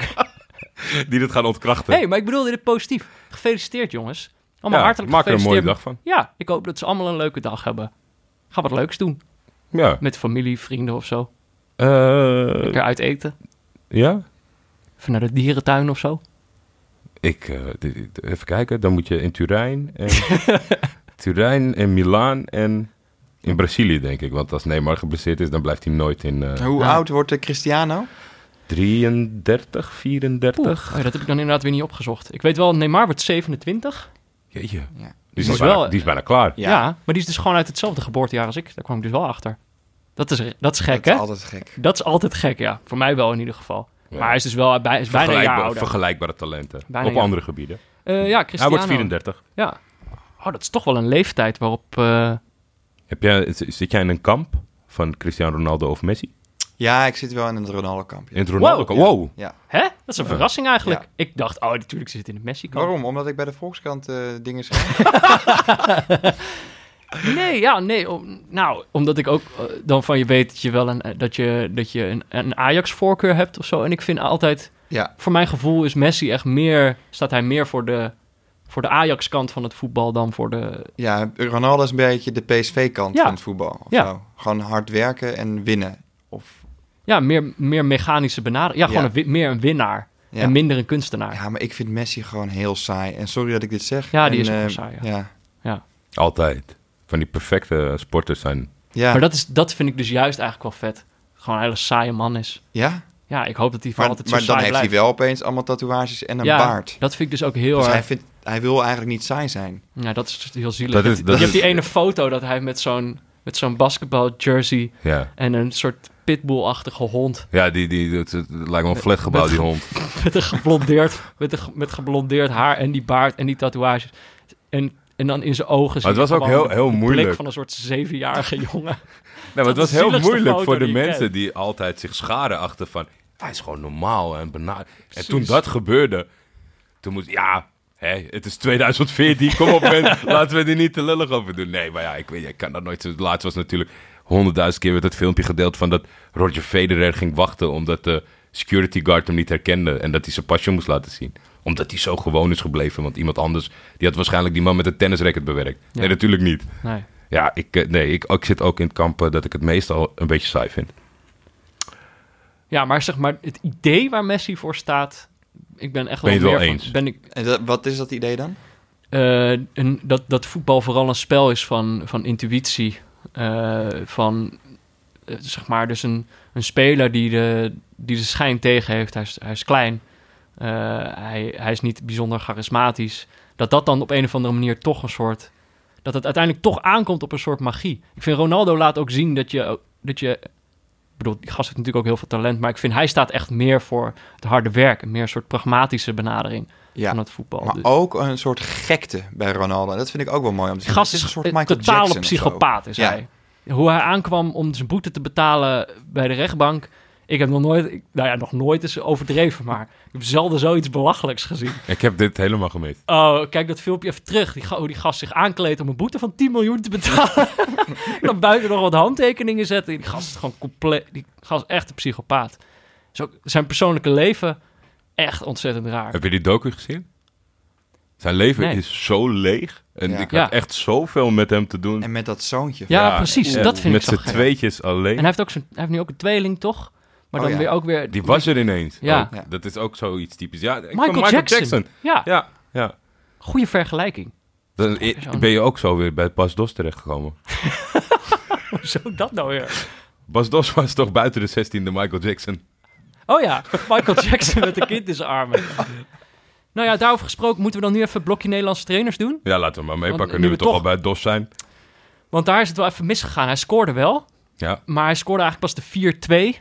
Eh, daar heb je niks aan. nee, want ze stonden al 4-1 achter. Toen zijn heel veel supporters van Sporting zijn het stadion uitgelopen. Er waren witte zak, Naar de Lidl, zakdoekjes. die in... Ja, fuck it. Ik ga, ja, precies. Gaan we boodschappen In doen? de arena is het dan willen ze alvast de parkeergarage uit zijn, maar bij, de, bij Sporting ga je eerst even boodschappen doen. Maar hij heeft 2-4 verloren. Ja. En eh, het wordt dus geen eh, titel. En eh, Witte zakdoekjes op de tribune. witte zakdoekjes zelfs. Ja, dat heb ik waren lang niet foto's. gezien. waren foto's van. Nou, dat zijn Marcel Keizer dus ook. Ik heb ze niet gezien. dat moet je altijd zeggen natuurlijk. Wat moet je nou... Ja, ik heb ze gezien. Dat was niet zo leuk. Ja, het eerst. Het- Zou ik zeggen. Maar ik vind dat zou zo gek zijn toch? Als je nu alweer met witte zakdoekjes... Ja, maar het was volgens mij ook omdat het Benfica was. Hè? Dus dat is Ja. dan de, de grote rivaal eh, van... eh, van eh, Ja, je kan een uit de steen buurt. van de ene stadion Ja. in het andere stadion Precies. gooien. Dus dat doet Ja. wel pijn. Alleen, ik vraag me... eh, Zo'n steen. Nou, nee, Oh. dat, dat je verliest van de Ja. buren. Nou, en dat gewoon... Ik bedoel, wij hebben die wedstrijd tegen Porto ook al Ja, gekeken. maar Ze de, zijn lucht, de luchtbel van Keizerbal is doorgeprikt. Ja. En daardoor gaat het nu ook net zo hard als dat ze in het begin. Want ze zijn Ja. een beetje de dupe geworden van hun eigen cynisme. Om hem helemaal op te hemelen Ja. bij die eerste overwinning. Ja, precies. En Ja. dan vind ik het ook eigenlijk wel dat ze gestraft moeten worden met drie jaar Marcel Keizer. Ja. Dat het bestuur nu zegt, wij staan hoe dan ook achter Marcel.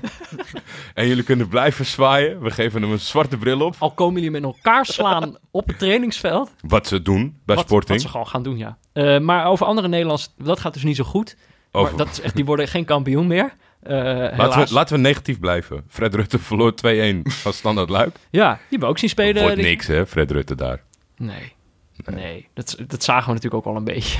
Hij heeft gewoon Jan, Bolasi. Dat is een goede Ja. speler. Ja, die is er nog bijgekomen nadat wij na- naar, naar ze keken. Ja. Ja, nee, dit, En toch verlies je van Standaard. Ja, dat, als je Bolasie hebt. Ja, ongelooflijk. Maar Oké, positief. het echte lichtpuntje, daar hadden we het vorige week over.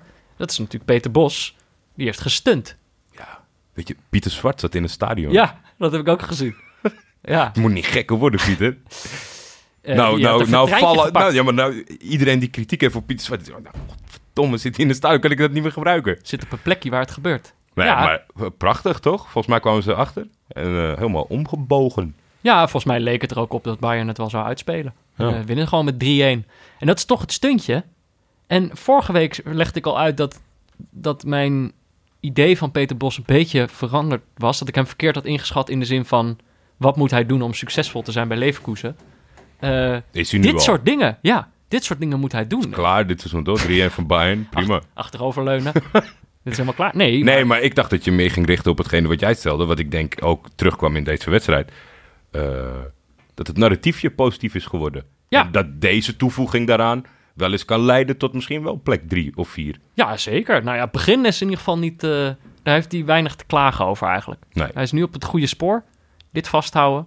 Dan komt het helemaal goed. Ik denk dat Peter Bos het van deze drie het beste gaat doen uiteindelijk. Ja, dat, nou ja, dat denk ik Maar ook. dat Had is ik ge- is een tevoren- gewaagde voorspelling. Van tevoren denk ik ook wel. Eh, nog iets, ik denk niet, ja, wel voetbalgerelateerd. Niet echt wat in, normaal in het blokje zit. Nee. Maar we hadden een, eh, een blokje 5, het blokje 5. Eh, vraag je tip met betrekking tot neutrale kijkers. Is het geen idee om voetbalcontactadvertenties te doen? Piet, twee linkerbenen, net gaan komen wonen in Waddinxveen. Zoek club die aansluit bij de kwaliteiten. Nagevonden club, twee, drie maanden later, grappige evaluatie in de podcast met de aanvoerder. Nou ja, van tevoren bedenken dat we grappig gaan evalueren vind ik niet zo'n goed plan. Maar Kunnen, we niet, kunnen we nooit waarmaken, dat soort dingen. als jij een luisteraar bent en eh, na vijf... Je moet eerst 25 keer een kicks-training hebben gedaan. want je gaat een commitment aan, Ja. waar je eigenlijk van dacht dat je die niet meer aan kon gaan. Dus eerst 25 keer kicks. Je en dan fit. op zoek naar een, naar een echte club weer. Nou, ik vind op zich... Ik vind het eh, dan toch een, een idee dat wij onze eigen contactadvertenties gaan doen... vind ik eigenlijk wel top. ja, toch? Liefst wel voetbal gerelateerd, maar ik moest eigenlijk gelijk denken... Ik, Ik was net even bij de, de Bali Ja. in Amsterdam, waar natuurlijk eh, onze, onze vrienden van Dag en Nacht Media eh, kantoor houden. De potvaders. De pot. die, eh, die zoeken nieuw keukenpersoneel, heb ik gezien. Wat? Dus als je goed kan koken, of je... Of je Tim en Anne of de Bali zelf? Nee, de Bali. Oh, En daar eten Tim en Anne heel vaak. Dus als je, als je echt nog een handige way-in in de Nederlandse podcast scene zoekt... dan moet je gewoon daar in de horeca gaan werken. ja, oh, ik vond het idee namelijk goed van dat je een voetbalclub... Maar jij wil gewoon mensen kunnen een advertentie oproep. Hij gaat, Nee, wel, die- hij gaat wel door de ballotage of het grappig genoeg is. Ja, nou ja, grappig. Of het, inter- ja, Of het echt genoeg is. of het waardevol genoeg is. Oké. Eh, we dus doen contactadvertenties. Ja, dus kan je mailen naar neutralekijkers.gmail.com. Ja. Als je nog iemand zoekt om mee naar voetbalwedstrijden te gaan of zo bijvoorbeeld. Of seizoenskaart mee te delen. Vind ik echt een mooie. Ja, is toch leuk? Ja, als jij een maatje zoekt om eh, te verkreumelen in de arena, in de ijskoude arena. Nou, precies. Dan weet je ons te vinden. jij hebt eh, 22 Turkse namen in het draaiboek gezet. Nee, jij hebt 22 Turkse namen in het draaiboek gezet. ja. Wat is dit? Eh, Ik herkende ze niet eens. Cengizhan Akgün, Ahmet Sabri Fener, Serge Akappo, Emre Gür, Abdülkadir Kayalı, Muhammed Yıldız, Dersim Şahin, Babukar Traore, Gökhan Akan, Mustafa Eski Helac, Noor Nahaji, Kırlak Çoğlu. Dat zijn de elf aangetrokken spelers. En daarnaast zijn er nog elf spelers gehuurd. Dit zijn eh, de laatste twee uren van de transferwindow van de Turkse tweede divisieclub Elazığspor. Die hadden Die een uitgepakt. die hadden een transferban. Die mochten geen spelers kopen. En dat hebben ze zo weten te doen met eh, tijdsverschil en dat het net wel, net niet. Dus die hadden al- iedereen al gebeld van jongens, het komt er zo aan. Oh. We moeten die krabbel gaan zetten. En twee uur voor het sluiten van de markt hebben ze een nieuw record gebroken. Door het aantrekken van 22 spelers. Zo, twee elftallen. Twee elftallen in twee uur. En maar hadden ze dan nul spelers? Nee, nee, nee, nee, nee. Het zijn er ook een paar vertrokken. De trainer is meteen ontslagen. Want die dacht, ja, nieuwe ploeg, nieuwe trainer. Ja, Ja, ik zag dat voorbij komen. Dat is hilarisch. Ik, bizar. er moest wel een arretje onder het gras zijn. Dat was natuurlijk die transferban. Ja. Maar ja, dit is gewoon zo... Ook weer zo'n voorbeeld van de, eh, hoe eh, financial fair play niet werkt. Om, om zeg maar zo, met, als je dan zeg maar, wordt gestraft voor je wanbeleid. Maar dat je het goedkeurt dat zo'n ploeg in de twee overgebleven uurtjes Ja. 22 nieuwe spelers koopt. Die ze waarschijnlijk niet kunnen betalen. Of allemaal weer op straat staan als ze niet promoveren. Ja. Eh Tolgay Arslan, dat is een eh, middenvelder. Ja? Eh, medium, ik vind hem niet zo goed. Speelde bij Besiktas.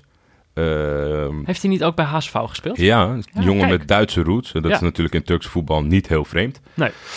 Eh, kwam naar Turkije. Mhm. Volgens mij nog niet helemaal duidelijk waar hij toen ging spelen. Heeft, eh, Gewoon In- het vliegtuig gepakt. nou, weet ik niet. Volgens mij zaten ze een beetje met z'n allen aan hem te trekken. Oh, oké. Heeft toen laten optekenen in een televisieprogramma. Ik ben voor Galatasaray. Al sinds ik twee ben, als je me, Een gala pyjama. als je me aardes opensnijdt, is rood met geel. Ja. Uiteindelijk heeft hij gekozen om bij Besiktas te gaan voetballen. Nou, dat was natuurlijk de club van zijn dromen. Logootje kussen. Ja, eh, dingen. Nee, logootje niet kussen. Oh. Want dat heeft, hij, eh, hij- dat heeft hij bewaard. Tot hij naar de derde club ging, naar Venner.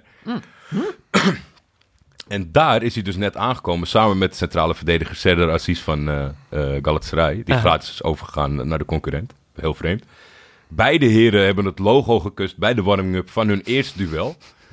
En Tolgay Arslan die maakt het helemaal bond. Want die heeft gewoon, ik denk, een kwartier een persconferentie gegeven. En Die heeft het logo ook opgegeven. Nee, maar Besiktas is ook echt kapot gemaakt. En gezegd, nou, mijn hele gezin, al, al, al sinds mensenheugenis zijn wij als familie voor Venner. En ik denk, ja, wie, Oh, neemt, wie, ja. wie neem je nou in de maling, Ja. jongen? Ik denk dat supporters niks irritanter vinden dan dat. Ja. Maar Als- het is, lijkt me zo lastig, want je hebt, je hebt die items van, eh, van VI... dat ze op een beetje een toegankelijke manier met spelers uit de eredivisie gaan praten. Ken je dat? Eh dan gaat een beetje zo'n vlotte jongen, maakt dan een geinig filmpje... bijvoorbeeld met Frenkie de Jong of zo. En dan, of met Mich- Michel Flap. En dan is de vraag, is dan, de vraag die ze ook altijd stellen... ze proberen altijd een beetje zo... Op het randje te schuren. Nou ja, gewoon vragen die, die, die, waar ze eigenlijk geen antwoord op durven te geven. En een van die vragen is dan... bij welke topclub zou je later niet willen spelen? En dan zie je elke voetballer, zeker die jonge jongens... die zie je dan een beetje zo stuntelen. Want die denken, nou ja, als ik nu zeg ik wil nooit naar Inter... en juist Inter komt op een gegeven moment... en dat interviewtje duikt op... dan ben je natuurlijk de lul. Dus die willen dan eigenlijk nooit een club Oh, zeggen. je maar mag zelfs een club in Europa zeggen. Dat is toch, maar als je Michel Flap bent en je mag een club in... Ik dacht dat het over Nederland ging, dan lijkt het wel topclub. moeilijk. Nee, nee, een club in Europa volgens mij, of Europese Dit is toch topclub. makkelijk. Ja, maar dat vinden die gasten dus toch lastig. Dat vind ik zo Ja? grappig. Ja, dat, dat is toch altijd... Weet je wel, Frenkie de Jong heeft dat natuurlijk ook gehad. Want je, er zijn Mensen gingen altijd aan mij vragen van... eh, stel, Venner wil je kopen. Want ja, ik heb altijd... Het makkelijkste antwoord is toch... Als ik goed genoeg ben voor Venner... dan zal ik ook wel goed genoeg zijn voor een ander. En anders Ja. blijf ik zitten waar ik zit. Ik hoef dat ook niet echt om te draaien. Het lijkt me gewoon ook niet werken. Als Nee. je van kleins af aan bloedfanatiek voor een club bent... om dan bij de ander te gaan... lo- Ja, ik weet ja, het maar je niet. ziet opeens, zeg maar, dat vind ik zo grappig. Je ziet in die hoofden dan opeens... Zie je... Dat Michel Flap zich Nou, zorgen begint te maken... of hij bij Inter nog aan de bak komt Nou, na deze uitspraak. Precies, nou, precies. Maar je ziet dus echt denken van... Ja, maar wat nou als ik wel ooit het niveau haal en dan... En Ja. dan, weet je wel, toch... Dus je wil... Ik vind het lief. Je wil dan niet inderdaad, eh, denk ik, die opschepper zijn die er helemaal van uitgaat dat hij wel naar zo'n topclub zal gaan. Maar je wil ook niet die gast zijn die later met dat filmpje zit van, ja, ik ga nooit bij Manchester United spelen. En dan het logo kussen. Nou ja, dat vond ik grappig. Moest ik aan denken. Volgens mij was Matthijs de Licht, die had gewoon meteen een goed antwoord. Maar ik weet niet meer, ik weet niet meer precies wat dat was. Volgens mij was dat AC, die zei gewoon meteen, ja, AC Milan is volgens mij een club waar je niet moet willen spelen op dit moment. Op dit moment. Op dit Ja, moment. ja, Ja. maar dat is gewoon een hele slimme jongen. Die gast is echt, eh gast is hartstikke handig. Pas 12, hè? Echt heel ziek. Ehm, nu we het toch een beetje over transfers hebben. Ja. eh, we hebben het al even over de, de twee nieuwe spitsen van Gala gehad. Want ze hebben er twee. ja, inderdaad. Jack Nee, hadden we het over gehad. Um, Baye Jacné. Ja. Eh, de sensatie sinds hij in Turkije is. Hij is eh, begonnen, of tenminste, hij is naar Italië gegaan voor het profvoetbal. Werd opgepikt door Juventus. Is toen heel vaak verhuurd en dat was allemaal niet zo succesvol. Toen is hij beland bij Lierse, waar eh, eh, is altijd goed. Gert Gijzen mijn verhaal geeft van de Shotcast. En Ah. volgens mij zitten er ook eh, een, een aantal van zijn gebeurtenissen in België in de aflevering van deze week. Die kon ik nog niet luisteren. Dus ik zei, Gert, vertel me wat. De vergelijkingen werden, gingen snel op over Mario Balotelli en hij. Ja. Qua bouw en hij nam de, nam de hanekam geblondeerd en dat soort dingen. Oh, ja. Kwam als grote Dus jongen. hij speelde daar zelf ook wel een beetje op in. hij speelde daar zelf zeker op in. Kwam, eh, kwam bij Heeft vuurwerk afgestoken in de badkamer. Wat dartpijlen naar teamgenoten bij de kennismaking. beetje klooien met een hesje. Zo'n elektra dingetjes hand bij de kennismakingsrondje. maar hij komt dus als de grote jongen binnen. En eh, op de eerste training, waar Gert zelf bij was... eh, krijgt hij een bal aangespeeld, zijn eerste bal. En hij maakt een voetbeweging en hij valt over de bal. En eigenlijk is dat wel een beetje killing met zo'n... Of je moet wel heel goed zijn dat het Ja. ongelukkig is. Maar anders, je reputatie is echt naar de knoppen na één moment al. Ja. Het is ook verder nooit meer goed gekomen bij Lierse. Maar met een hele omweg via Hongarije en China is hij ontpopt tot goal doelpuntenmachine in Turkije. Ja. Hij heeft 32 doelpunten gemaakt in 34 wedstrijden. Zo. Moest, ik begrijp het nooit zo'n voorzitter die, eh, want het, het gerucht ging al een tijdje. En Ja, het natuurlijk het Instagram. Instagram-account, wat Ja. uiteindelijk dus wel waarheid bleek, maar was gewoon iets te enthousiast. Want hij is ook echt reuze enthousiast over deze transfer zelf. Ja. Eh, maar de voorzitter die dan, weet je, gaat roepen, nou, ze moeten wel met heel veel geldwagens komen, Ah. willen ze hem opkomen. En dan twee dagen later moet je gewoon, weet je, met je nek buigen, want dan hebben ze hem gewoon gekocht van je. Ja. Al een beetje grootspraak. eh. Maar die, die zat eraan te komen en daarna kwam eh eh, Konstantinos Mitroglou. Ben je er blij mee? Ik dacht een beetje, Ja, ik probeer dan. het is wel een spits. Ik, ja. ik kende hem al. Dat helpt ook. Eh, betere cijfers dan ik zelf dacht in eh, twee seizoenen Olympiakos, twee seizoenen Benfica. En bij Marseille helemaal mislukt. Ja. Toen Ja, toen, werd het ook een beetje een lachertje, toch? Ja, zo, zo heb ik het nooit zo... Het is niet, het is niet zo'n leuke spits om naar te kijken. Nee. En op een gegeven moment was er volgens mij Marseille... toen hij zijn eerste doelpunt maakte, was op een voorzet van Payet. Toen hadden ze die met z'n tweeën gefotografeerd. Er stond er Ja. boven, name a more iconic Ja, duo. precies. Ja. We'll wait. Nou, dan denk ik, nou, ik, Ik weet er wel je een paar. even? ik weet er wel een paar. Peter en Jan van de podcast. nee, dus die speelde eh, dit weekend. Ja. Eh, ik denk eh 2,5 balcontact in de, in de 70 minuten die hem gegund werden. Stop. Dus eh, ik, ik, ik weet niet wat uh, Terim met van, Maar- van plan is. Ik vermoed Jacques is toppie. Ja, ga ik nog steeds vanuit. Mitroglou. Financieel gezien weinig haken en ogen, maar Maar soms moet je wel zo... We hadden het net ook al bij, over bullies. Soms is het wel lekker als de bully bij jouw team speelt, toch? ja, maar hij ziet er alleen uit als een bully. Oh ja. En dat vind ik dan ja, als je het niet waar kan maken. Ik, Ja. ik zeg toch op de lange termijn floppy. Oké. Is- Maar er is nog iemand gekomen. Christian Luyendama. Oh, die is ook naar Gala. Ook naar Gala, centrale verdediger van eh Lierse, of eh, van Standard Luik, sorry. Ja.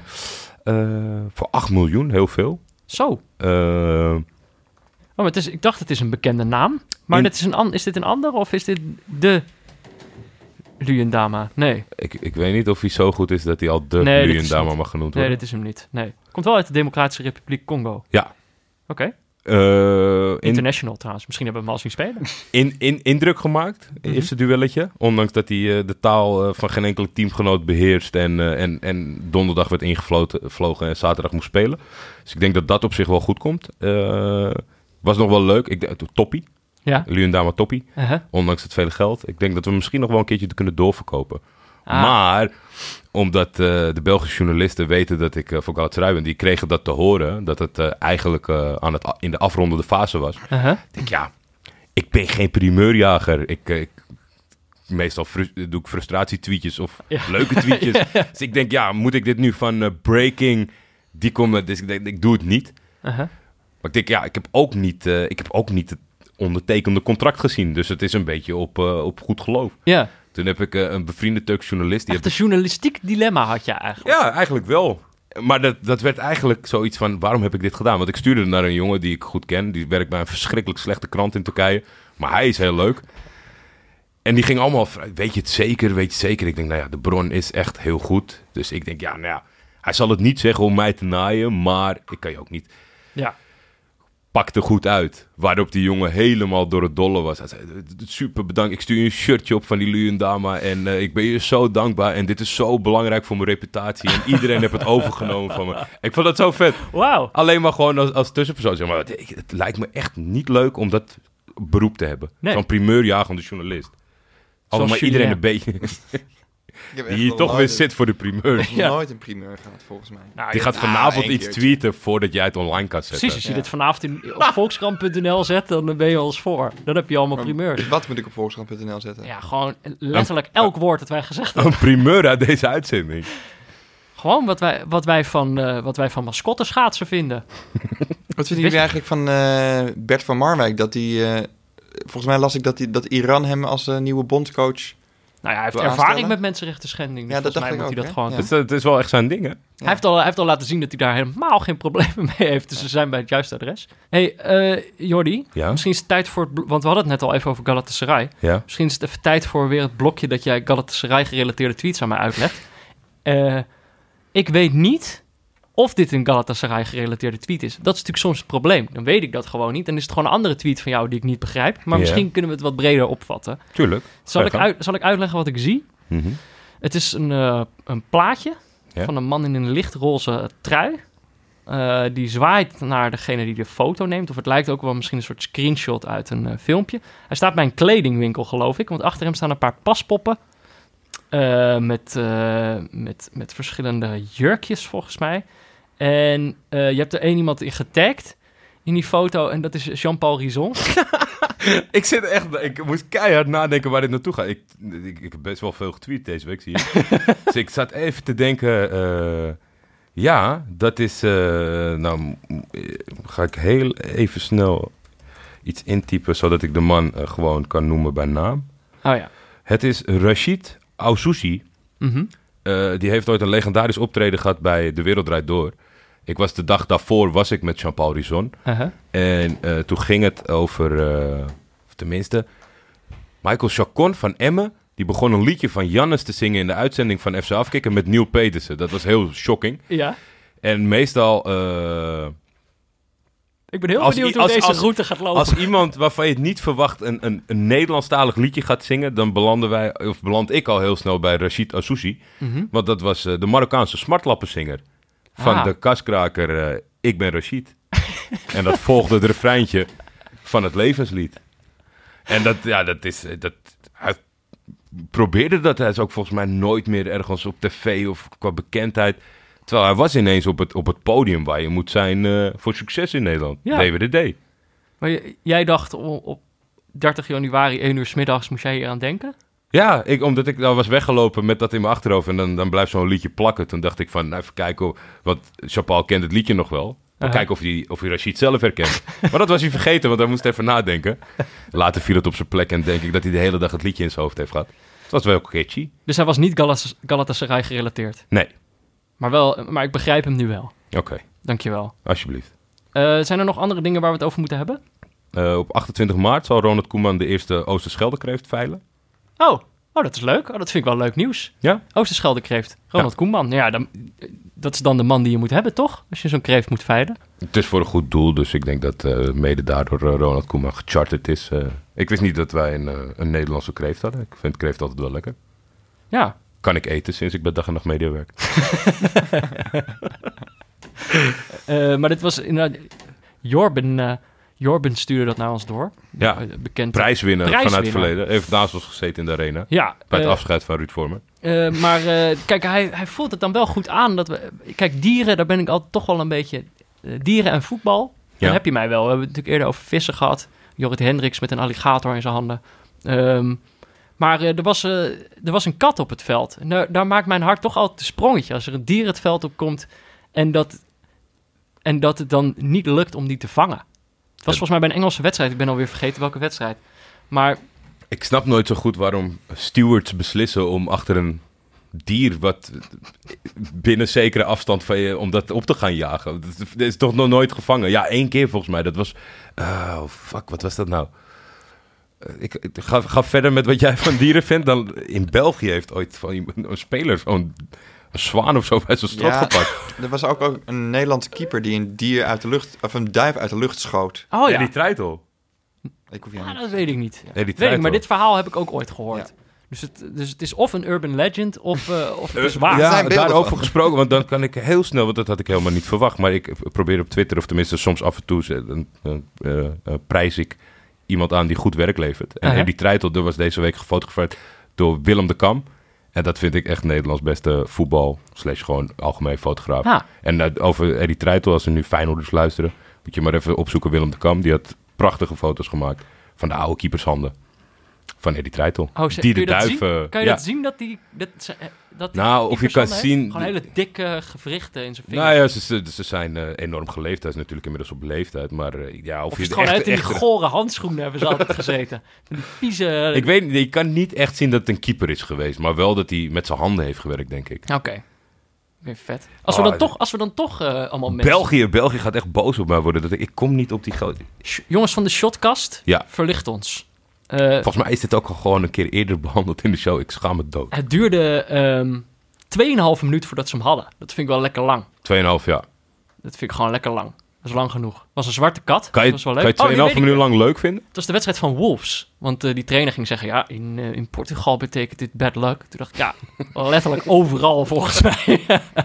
maar ja, dat was leuk. Was leuk. Wolves won. Was ook leuk. Ehm, was tegen Everton volgens mij. Ik denk dat het tegen Everton was. Maar als we, jij was al- alweer, Mensen aan het pluggen. jij was mensen aan het pluggen. Dat wilde ik ook nog even. Dat is ook Wie, een- wie wil jij pluggen? nou, eh, vriend van de show, Michel Dodeman, die al meerdere, die al meerdere keren, zeg maar, leuke linkjes naar ons heeft doorgestuurd, die wij vervolgens eh, dankbaar hebben behandeld in de aflevering. Hij zit er uh, Je hebt, zelf, je hebt zelf een stuk geschreven over, over waar we het in deze aflevering ook al vaker over hebben gehad, over zijn aandeelhouderschap Ja, ik heb, van Real Murcia. Ik heb het ook gelezen. Ehm, ik, ik merkte vooral dat ik, dat ik zelf binnen echt veel sneller dan ik had verwacht een bobo ben geworden bij Real Murcia. ik, ik doe namelijk niet zo heel veel van de club, maar ik heb wel gewoon het certificaat op mijn bureau staan eh, uitgeprint als groot aandeelhouder. En je ziet dat Michel met zo, met, weet je, toch met, met kleine middelen dan heel veel geeft voor zo'n club. Cultiveert dat ook meer misschien? Ja. Ik jij had, hebt ik, er het echte geld in zitten. ja, precies. Het is, het is eigenlijk- gewoon mijn club. en geef permissie aan Michel, maar...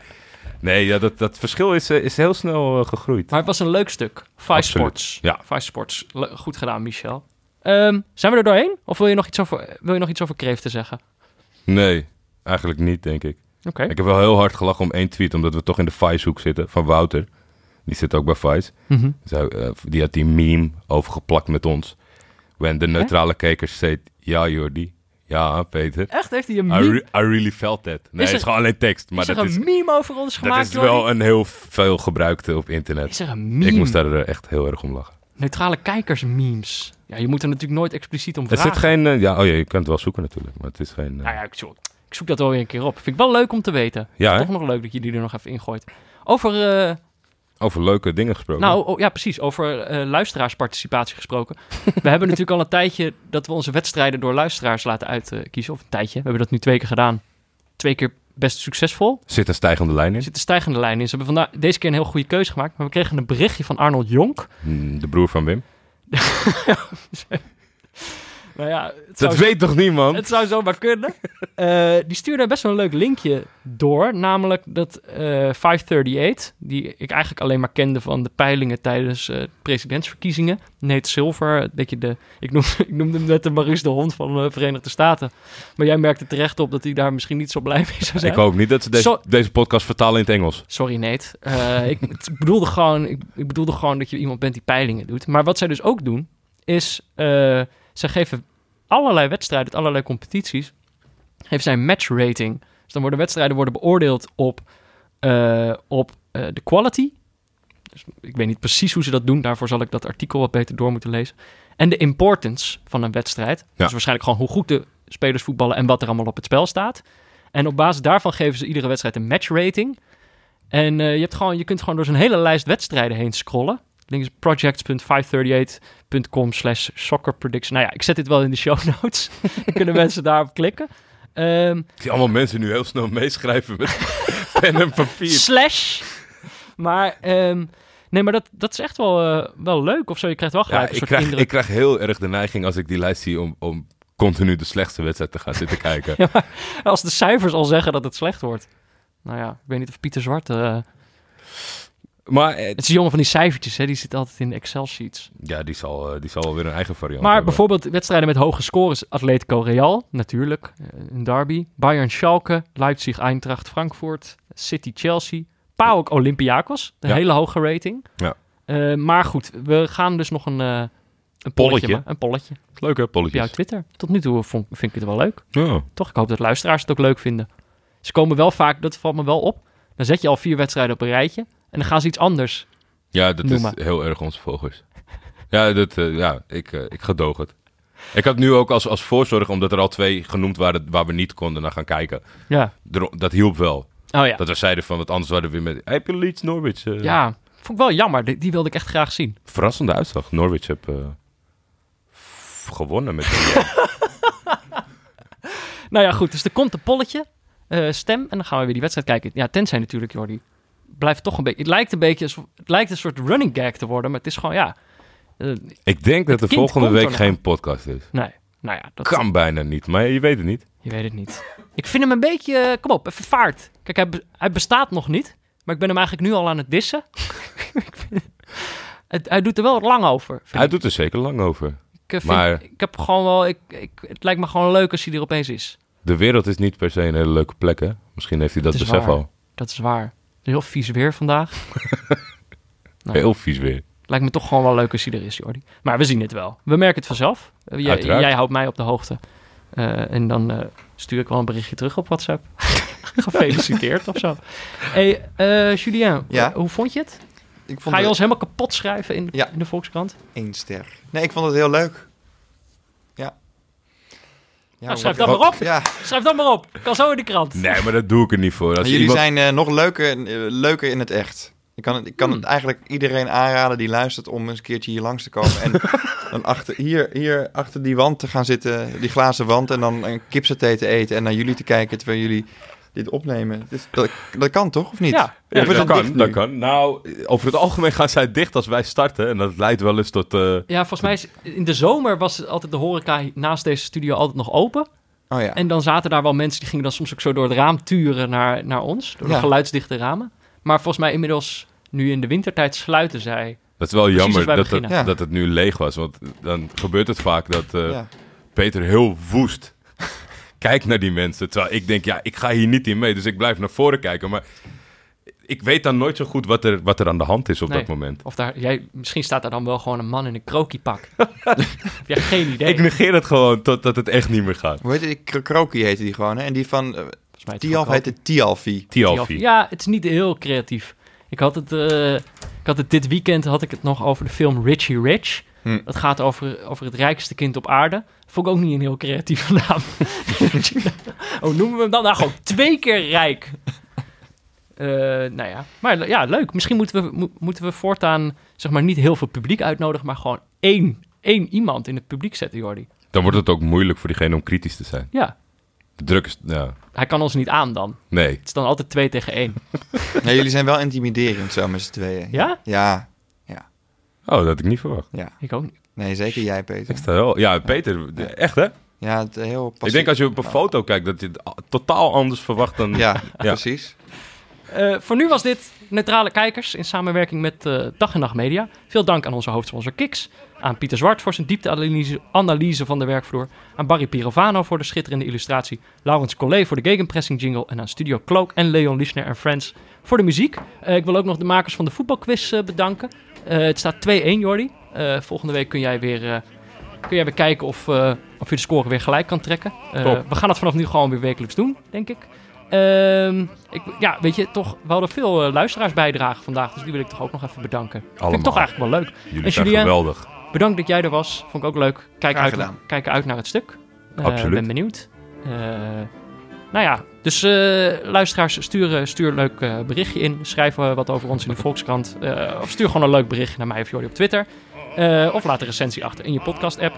En Ik heb mijn iPad ja, weer, hè, dus ik lees het Hey. weer, mensen. Dus eh, Je kan het weer zien. ja, ik ga nog steeds stuk om onze enige 1 ster recensie.